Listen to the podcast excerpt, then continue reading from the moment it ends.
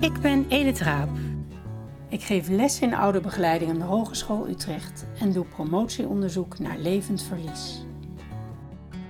Ik ben Minke Verdonk. Ik ben moeder van een zoon met een lichamelijke beperking en ouderbegeleider. En ik ben Irene Sies. Onder de naam Gewoon Irene blog ik over de alledaagse dingen in mijn leven als moeder van vier kinderen. We maken samen een podcast over levend verlies. We voeren gesprekken met ouders, naasten en zorgverleners. Levend verlies. Steeds terugkerende gevoelens van verlies, verdriet en rouw van ouders met een kind met een beperking of chronische aandoening.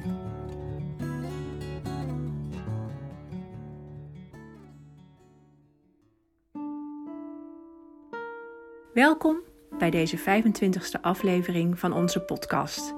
Vandaag spreken we Corina, moeder van een zoon van 15 met ADHD en gedragsproblemen.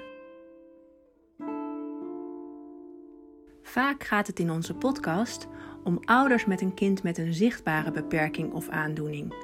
Zo niet nu. Over de blik van de omgeving op de problemen van je kind en over de voor- en nadelen van een diagnose.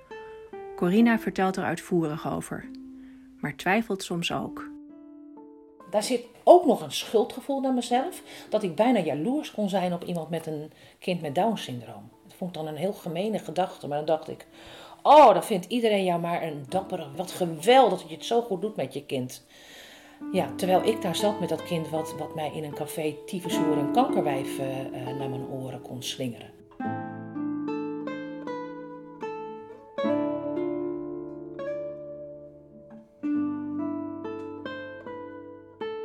Corina heeft met haar zoon Rens besproken dat ze meedoet aan de podcast en ze hebben samen de proefversie beluisterd. We beginnen het gesprek. Zou je je aan de luisteraars willen voorstellen? Ja, dat wil ik. Ik ben Corina. Ik heb uh, vier kinderen in de leeftijd van uh, 19, 17, 15 en 13. Twee oudste zijn uh, meiden, twee jongste zijn jongens. En ik ben docent pedagogiek op een PABO getrouwd. En waarom zitten we hier met jou te praten voor de podcast Levend Verlies? Um, omdat mijn derde zoon, Rens, die uh, heeft lang ernstige gedragsproblemen gehad. Op dit moment is het wat rustiger. Daar zit altijd een komma achter. Ja, dat heeft gewoon heel veel momenten gehad die heel heftig waren. Het heeft heel veel invloed gehad op de manier waarop wij als gezin, maar ik ook zelf, ja, het leven leiden. Hoe zag dat gedrag eruit? Waar wij als gezin en waar ik als moeder veel mee te maken heb gehad, is gewoon hele heftige aanvallen van boosheid, veel verbale agressie, veel frustratie, uh, veel conflicten met andere kinderen, gedoe op school, gedoe op feestjes, gedoe in huis, onder het eten. Eigenlijk de hele dag door. Eigenlijk werd een heel groot gedeelte van wat, wat ik deed en hoe ik dat deed thuis werd bepaald door wat hij nodig had. Achteraf waren de eerste signalen toen hij een jaar of drie was. Toen hadden we op het kinderdagverblijf een gesprek waaruit naar voren kwam dat hij eigenlijk bij niemand echt aansluiting had. Maar er was niet echt sprake van ernstig verstorend gedrag. En wij dachten van, nou ja, misschien. Toen hadden we echt nog helemaal niet het idee van dat het iets betekende. Wij dachten, oh, hij heeft gewoon geen klik met die andere kinderen. Ik ben ook orthopedagoog en ik ga al heel wat jaartjes mee in het onderwijs. Ik heb in de psychiatrie lessen gegeven. Dus ergens denk je wel, hmm, zou er iets met de constatie aan de hand zijn? Maar echt heel zwaar werd dat niet. En hij was ons derde kind, dus we hadden ook al wel, we waren wat gepokt en gemazeld. En hij was onze eerste jongen, dus wij dachten ook, oh, dit zijn dus jongens. Dat is best wel ingewikkelder dan meisjes. En toen is hij naar de basisschool gegaan. En op datzelfde moment, dat maakte het in eerste instantie wat diffuus. Werd mijn man ernstig ziek en die is een poos op de intensive care geweest en in een revalidatiekliniek. En op dat moment liep ook dat er ingewikkeld gedrag, heel druk gedrag, maar ook boos gedrag ontstond. Dus er is een tijd geweest dat we ook dachten dat het daarmee te maken had. Dat het een stukje uh, trauma was wat daar zat. Ja. Wij, zijn toen al bij een, uh, de geheime tuin terechtgekomen, bij een therapeutencentrum. En vanuit de geheime tuin zijn ze toen ook gaan kijken van joh, moeten we met EMDR aan de slag? Want is daar niet een trauma wat daaronder ligt? Dus dat hebben we ook gedaan. En toen hadden we natuurlijk heel erg hoop dat het daarna allemaal goed zou komen. En dan zie je ook allemaal dingen dat je denkt, oh zie je, we zijn, het is helemaal klaar. En god, wat een rust. En nou ja, dat, dat was uh, wishful thinking.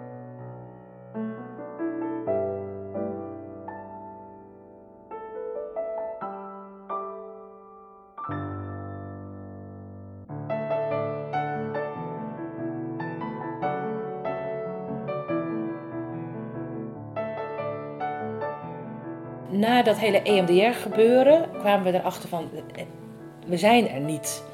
Dus we zijn verder gaan zoeken en via via zijn we bij een, uh, een centrum gekomen waar hij onderzocht is. En toen kwam er eigenlijk naar voren van er zit een stevige ADHD, er zit mogelijk een stukje autisme spectrum en er zit nog iets, maar daar krijg ik de vinger niet goed op. En op dat moment was dat voor mij heel erg een bevestiging. En eigenlijk bijna een ontheffing uit je verantwoordelijkheid. Van, oh, wacht even, ik kan hier niks aan doen. Wij doen niks verkeerd, er is iets aan de hand. Bovendien was het ook een excuus naar anderen toe. Ik heb dat lang heel erg nodig gehad ook. Als die weer iemand pijn gedaan had, of als er weer een conflict was geweest, of iemand op de grond geduwd had, of weet ik wat hij allemaal deed. Dat ik kon, in ieder geval kon zeggen: Ja, er zijn gewoon dingen die moeilijk zijn voor hem omdat. En daar zit voor mij ook een heel groot verdriet in die periode.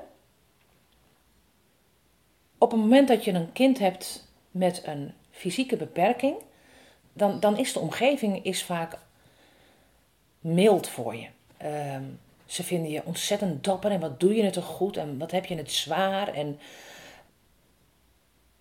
bij een kind met een, gedragsprobleem als, als dat van Rens hing er altijd oordeel in de lucht. En, en, daar zit een stuk projectie bij, dat realiseer ik me ook. Dat ik altijd al dacht, oh, ze zullen wel denken dat ik niet op kan voeden... of dat ik geen structuur bied enzovoort. Maar het was er ook wel echt. Uh, dingen als, heb je alles een eliminatiedieet geprobeerd? Uh, geef mij hem eens een weekje. Hij heeft gewoon structuur nodig. Uh, het is gewoon een kwestie van consequent zijn. En, en dat vond ik een heel moeilijk stuk. Dat heeft voor mij een heel zwaar stempel gedrukt op die tijd ook wel. Ja.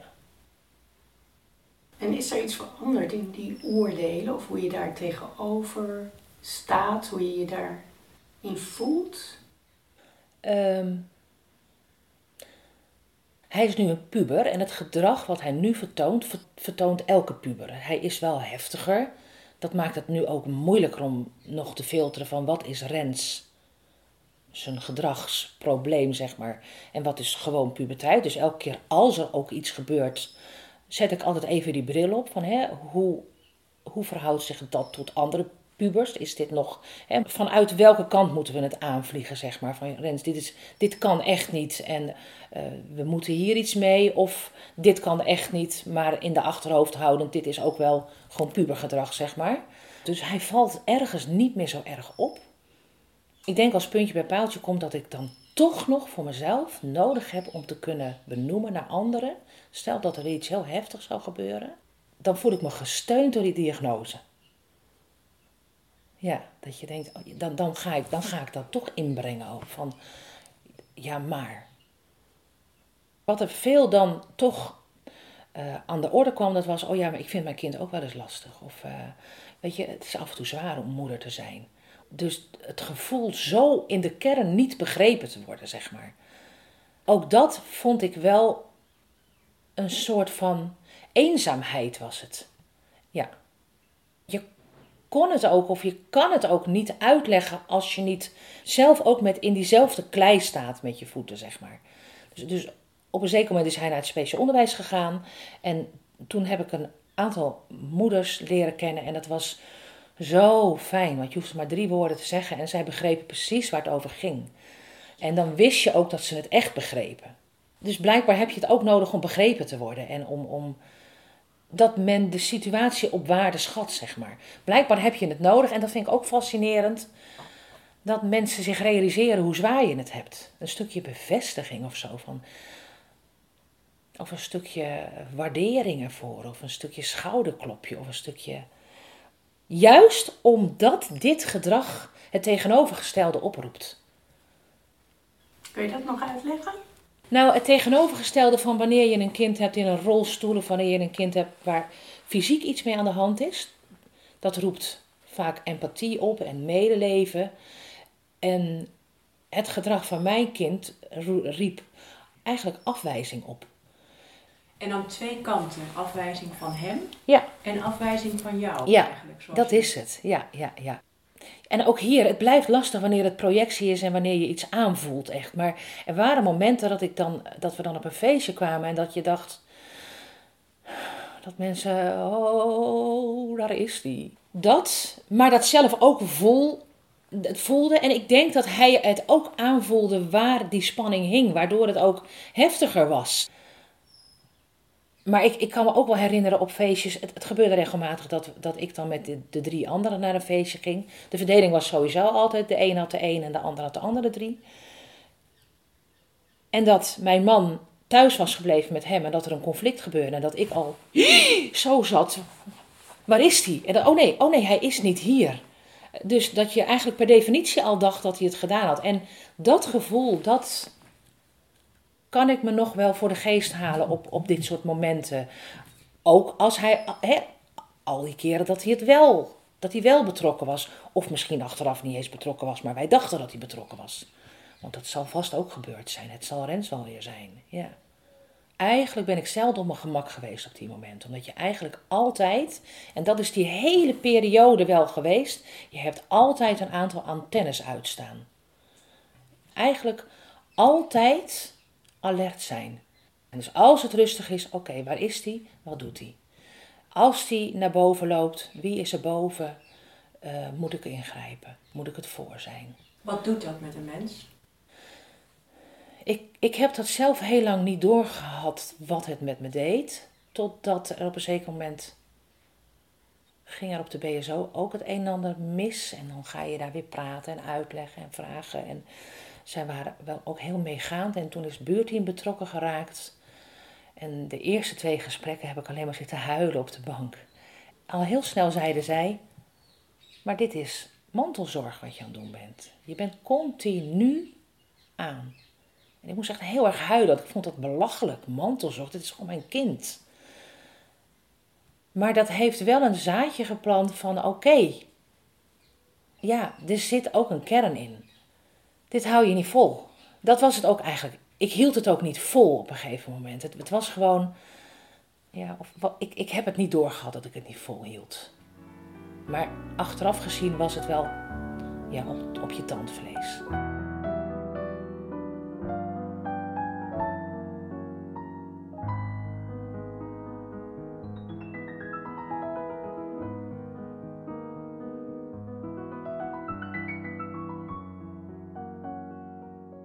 Het buurteam gaf steun. We hebben mensen thuis gehad om te leren samenspelen. En uh, het buurteam organiseerde op een gegeven moment voor ons. Dat was echt heel fijn. Dan kon hij één keer in de maand, ging hij, op een zaterdag ging hij ergens anders heen. En die eerste paar keer heb ik eigenlijk alleen maar, was ik gewoon heel somber op die dagen. Ten eerste dat we gewoon eens een boterham met elkaar konden eten zonder dat er iets gebeurde. Dat ik dacht, zo kan het dus ook. Dus dit dit is. Ineens werd het contrast heel duidelijk. Maar ook dat ik niet van die dag kon genieten, want dan dacht ik, jij moet hem straks om vier uur alweer ophalen. Dus het heeft geen enkele zin om nu te gaan zitten uitrusten, want uh, ik moet alweer schrap staan, want er komt zometeen weer een, uh, een lading ellende, zeg maar. Uh, er komt weer van alles. Dus ik heb ook wel moeten leren om, om, om daarin te ontspannen, zeg maar. Ik heb toen een cursus gedaan, mindfulness voor ouders van zorgintensieve kinderen. En dan krijg je het voorbeeld van neutraal de rozijn. Dat is, als je mindfulness ooit gedaan hebt, dan weet je meteen, oh god, die rozijn. Dan moet je daarna gaan luisteren en proeven. E, eerst met je ogen dicht, voelen en ruiken. En, nou ja, het gaat erom iets compleet onbevooroordeeld tegemoet treden. En daar heb ik wel geleerd om Rens als die rozijn te gaan verwelkomen op die middag dat hij thuis kwam. Dat ik die spanning voelde en dat ik dacht: nee, neutraal. Maar ook leerde ik daar om weer een stapje verder, om ook weer te kijken van wat is de mooie kant van hem. Natuurlijk zag ik die ook wel, altijd heb ik die gezien. Bedoel, als moeder hou je natuurlijk ook onvoorwaardelijk van zo'n kind en niet minder van hem dan van de anderen. Alleen dat gedrag is zo ingewikkeld en het is, het is dan soms zo moeilijk om dan nog uh, hem in zijn mooiheid te zien, zeg maar. En, en dat heb ik wel weer heel bewust leren toepassen. En om ook gewoon weer te denken: oh, hij is thuis. Ja. Maar dat, dat is altijd wel, in die periode, wel heel lastig geweest. Ik, me, ik, ik kan me een moment herinneren dat hij zei: Het is misschien voor jullie wel fijner als ik er niet ben, want jullie hebben zoveel last van me. En nou, over, over verlies en verdriet gesproken, dat zijn natuurlijk ook hele heftige momenten. Waarin je, waarin je eindelijk weer eens eventjes. Het gekke is dat dat weer bij, als ouder bij je oproept: kom maar. Terwijl heel veel gedrag van hem riep niet: kom maar op. Dat riep op: hou, hou op, stop hiermee. Maar die kant had hij ook. En, en dat had meteen ook wel weer een, grote alarmreactie. Uh, uh, van: oh mijn god, dit is dus ook wat er in dat kopje van dat kleine jochie speelt.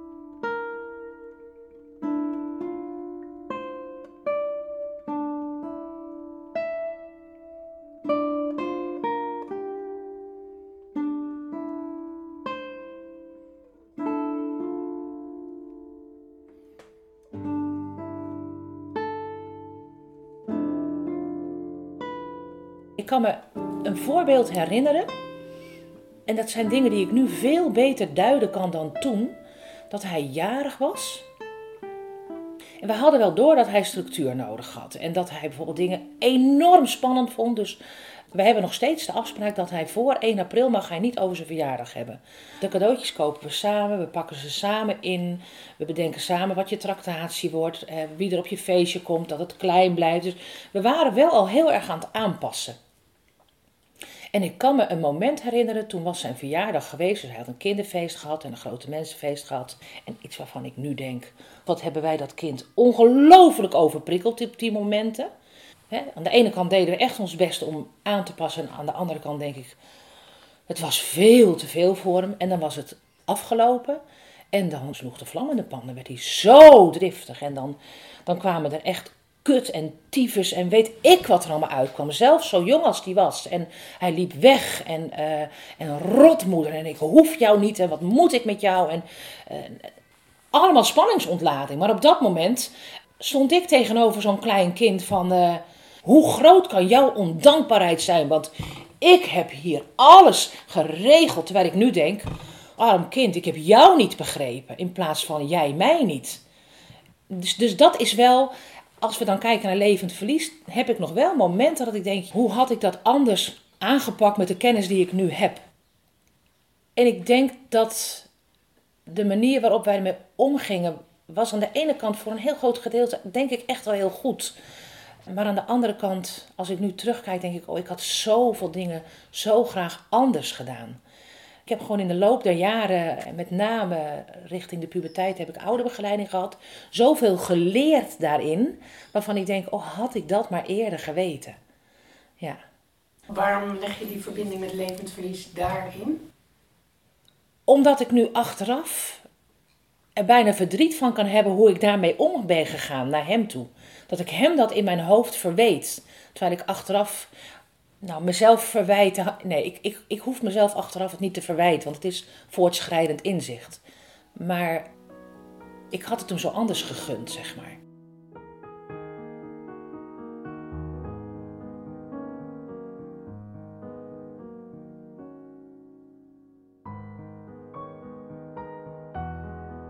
Corinna hoorde over levend verlies tijdens een lezing. Wat vond ze ervan? Ook weer dat dubbele. Mag ik dit wel voelen? Want hoe levend is mijn verlies? Maar ik kon wel met terugwerkende kracht meerdere punten opnoemen dat ik dacht: oh ja, daar en daar en daar en daar. Weer een gesprek met de juf. Uh, niet uitgenodigd worden op kinderfeestjes. Ja, dat soort momenten, ja. Waarin ervaar je nog meer levend verlies? Nou, het levend verlies zit er erin dat we niet het leven hebben geleid zoals we dat voor ogen hadden met ons gezin. Het zit ook heel erg naar de andere kinderen wel toe. Het, het heeft zo een periode lang zo om hem gedraaid. En dat er momenten waren, ik kan me nog zo herinneren dat ik mijn oudste dochter ophaalde bij een vriendinnetje.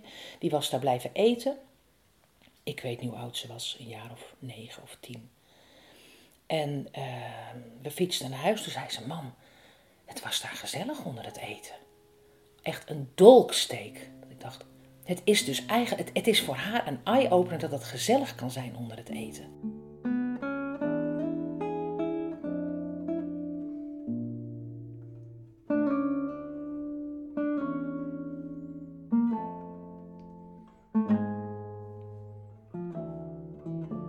Zijn eerste diagnose krijgt Rens op zijn zesde. Ik vertelde net van die therapeut waar hij terecht kwam. En die hebben dus ook geobserveerd op school. En uiteindelijk komt daar een psychiater bij voor een diagnose. En zij gaf inderdaad de diagnose ADHD, mogelijk autisme spectrum en nog iets. En toen zijn we met medicatie begonnen voor ADHD. En dan zou ze daarna gaan kijken wat daar nog over zou blijven om wellicht die autisme spectrum diagnose te stellen. En toen is het op de basisschool in een stroomversnelling geraakt. Hij had ook wel eens een juf geschopt, hij is weggelopen, spullen kapot gemaakt. En toen heeft de psychiater besloten om die autisme spectrum diagnose vanuit de pragmatiek toe te passen. Want zij, en wat, dat was heel fijn, zij gaf eigenlijk continu aan dat gedrag van hem, dat heeft heel veel met angsten te maken. En op het moment dat we dat autisme spectrum er niet bij zouden doen als diagnose, dan zou die op een cluster 4 school terechtkomen waar heel veel acting-out gedrag is. Dus die diagnose, hij had ADHD, autisme spectrum. En dat was ook dat vrijkaartje voor ons om ook een stukje naar anderen te kunnen zeggen van ja, maar dit is aan de hand. Op zijn twaalfde komen ze bij de prikkelpolie voor een uitvoerig onderzoek. Ik geloof dat hij drie, vier dagen onderzocht is. Met allerlei, dat heette de prikkelpolie. Ze gingen van alles onderzoeken. En wij gingen daar naartoe, wij kregen een adviesgesprek en we dachten, nou nu gaan we dus eens uitgebreid horen. En die psychiater heeft tien minuten de tijd voor ons gehad. In die tien minuten heeft hij drie keer op zo'n horloge gekeken. En die psychiater zei, oh, al die onzin met die, met die diagnoses, houden mee op. Er wordt veel te veel gediagnosticeerd in Nederland en uh, er, is, er is al absoluut geen sprake van autisme spectrum. En nou, ADHD, eh, ja, er worden maar pillen ingestopt. Nou, wij konden eigenlijk nauwelijks doorvragen. En wij zeiden, ik zie ons nog zitten in dat restaurant. En uh, het voelde alsof iets ons afgenomen was van, hoe durft hij? Kom eens een dag meelopen. Hè? Want het voelde, denk ik, achteraf als een stuk ontkenning van het probleem. Hoe kan het dat jij dit, terwijl nogmaals achteraf heb heel lang eh, ben ik IW'er geweest in het basisonderwijs. Zie ik ook echt van jongens, het is niet altijd nodig om te diagnosticeren. Het gaat er niet om wat heeft dit kind, maar wat heeft het kind nodig. Dus in die zin kan ik die situatie ook wel weer loskoppelen en terugkijken en denken, maar het is, het is echt een hele wijze en mooie psychiater die strijdt voor een stukje vermindering van diagnoses, vermindering van alle medicatie die uh, gegeven wordt. Maar op dat moment had je wat anders nodig. Maar op dat moment was dat, het, nou, het, het, het voelt echt onder, ja, de poten onder je stoel vandaan, zeg maar.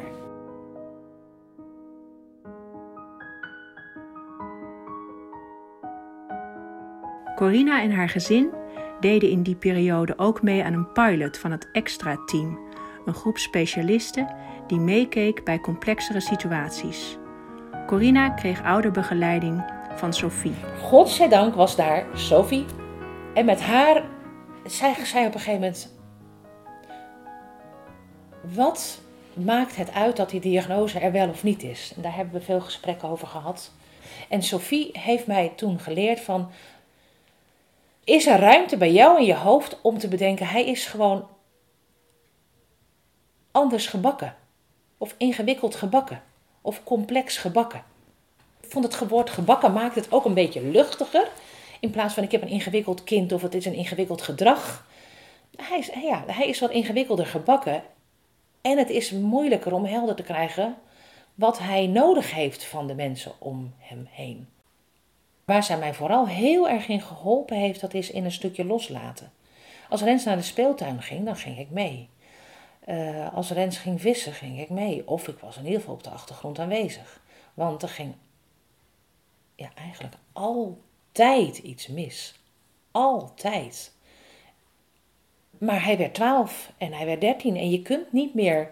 Dan ga je pas een hele ongezonde situatie creëren ook. Maar ja, hoe kan ik hem in godsnaam eh, loslaten? Ik kan me nog herinneren dat hij met een jongetje van speciaal onderwijs bij ons thuis aan het spelen was. En het was, een, het was van zijn school een, een studiedag en in de wijk was geen studiedag. Dus ik dacht, mooi, dan kunnen ze samen naar de speeltuin, want dan kan er niks gebeuren. En op een zeker moment loop ik naar die speeltuin toe en zie ik hem tegenover een man van 60 staan. En een enorme hoeveelheid straattaal uitkramen tegen die man. En die man ook op hetzelfde kaliber terug naar hem. Ik kan me niet herinneren dat ik ooit zo hard gerend heb. En ik, ik ben naar Rens toegegaan. En wij hadden met hem inmiddels wel dat we elke keer aan het oefenen waren. Als je boos wordt, als je voelt dat je boos wordt, rennen. Ga maar weg. Om te voorkomen dat hij mensen pijn deed. Of... En hij stond daar en ik zei tegen Rens, rennen, rennen. Ga maar Rens, ik los het op. Ga maar. Dus hij weg met dat vriendje. En die man begon tegen mij ook heel erg. Uh, nou, uiteindelijk. Ik weet nog dat ik toen zei: Ja, maar ik, het, het, het. En dan heb je, dan heb je die, die diagnose nodig. En die man zei: Ja, en iedereen heeft tegenwoordig maar een diagnose. En denkt daardoor alles maar te mogen doen. En ik was me, ik was me schreeuwend aan het verantwoorden dat dit kind echt niet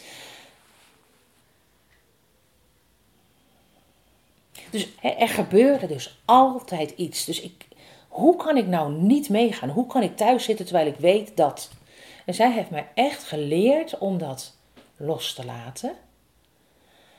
Met zinnen als: Rens, ik ben er voor je. Als er iets is, mag je me bellen. Als je me nodig hebt, mag je naar me toe komen. Maar het initiatief bij hem te leggen. Meer een tango van maken.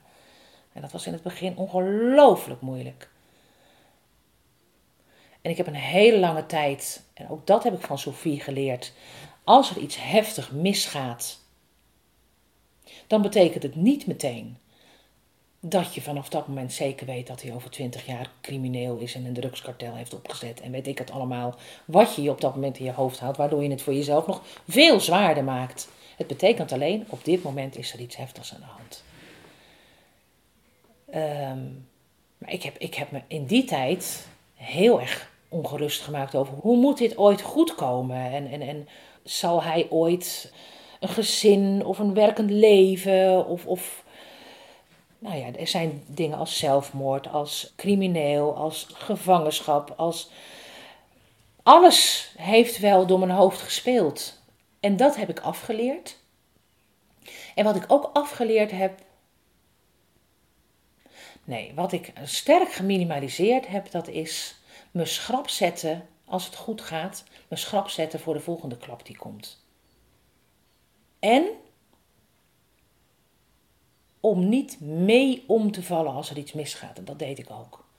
Hij had een jongetje, ergens in speciaal onderwijstijd, in de basisschooltijd, een jongetje wat op de grond lag, had hij geschopt. Dat vond ik, daar kon ik zo ontzettend niet bij. Hij achteraf ook niet, want daarna heeft hij, was hij zo gefrustreerd dat hij het gedaan had. Was er zo van geschrokken dat hij zijn mobiele telefoon kapot gegooid heeft tegen de muur. Wat ik dan ergens wel weer fijn vond, want ik denk, nou, hij voelt in ieder geval dat er iets niet in de haak is. Daar was ik twee, drie weken van slag van. En ik heb geleerd om dat minder te zijn. Zijn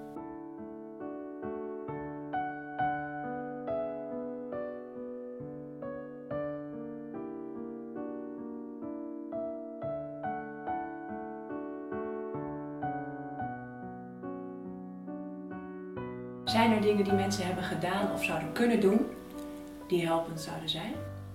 In het algemeen naast je gaan staan in plaats van tegenover je.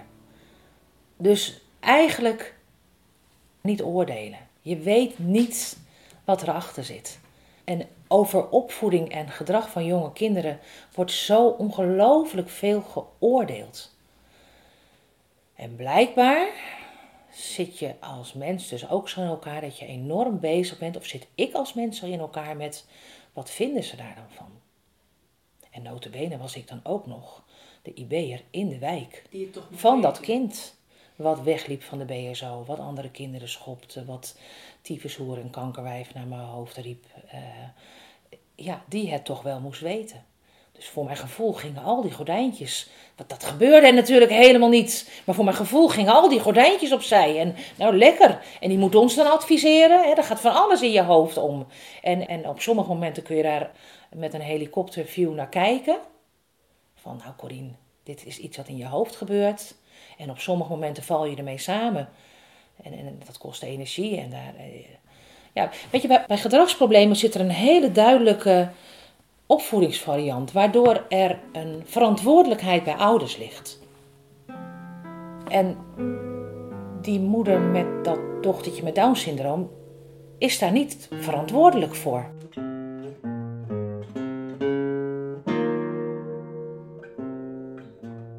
We vragen elke gast naar een uitspraak voor op een tegeltje. Wat is die van jou?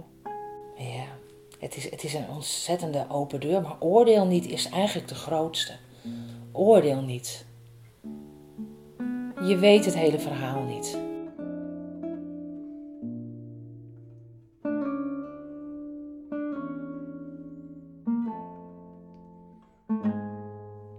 Als we het gesprek afronden, wil Corina toch nog wat kwijt. Weet je, voor mij blijft echt, merk ik nog zo de rode draad dat ik. Dat het er genoeg uitkomt dat dit ook levend verlies is. Dat is ook wel echt de belangrijkste reden dat ik hier zit. Dat ik denk, deze moeders die allemaal aan het worstelen zijn, dat er een podium voor is. Dat daar ook aandacht voor had mogen zijn. En nog steeds op het moment dat ik het zeg, denk ik, ja, maar in verhouding tot ouders met een kind in een rolstoel, mag dit, ja, dat blijft wel. Ja.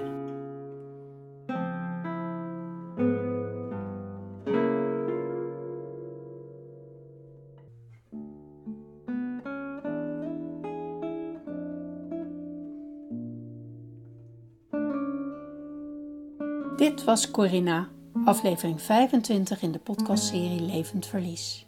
Volgende maand spreken we met Jol Kuijer, ouderschapscoach en relatietherapeut.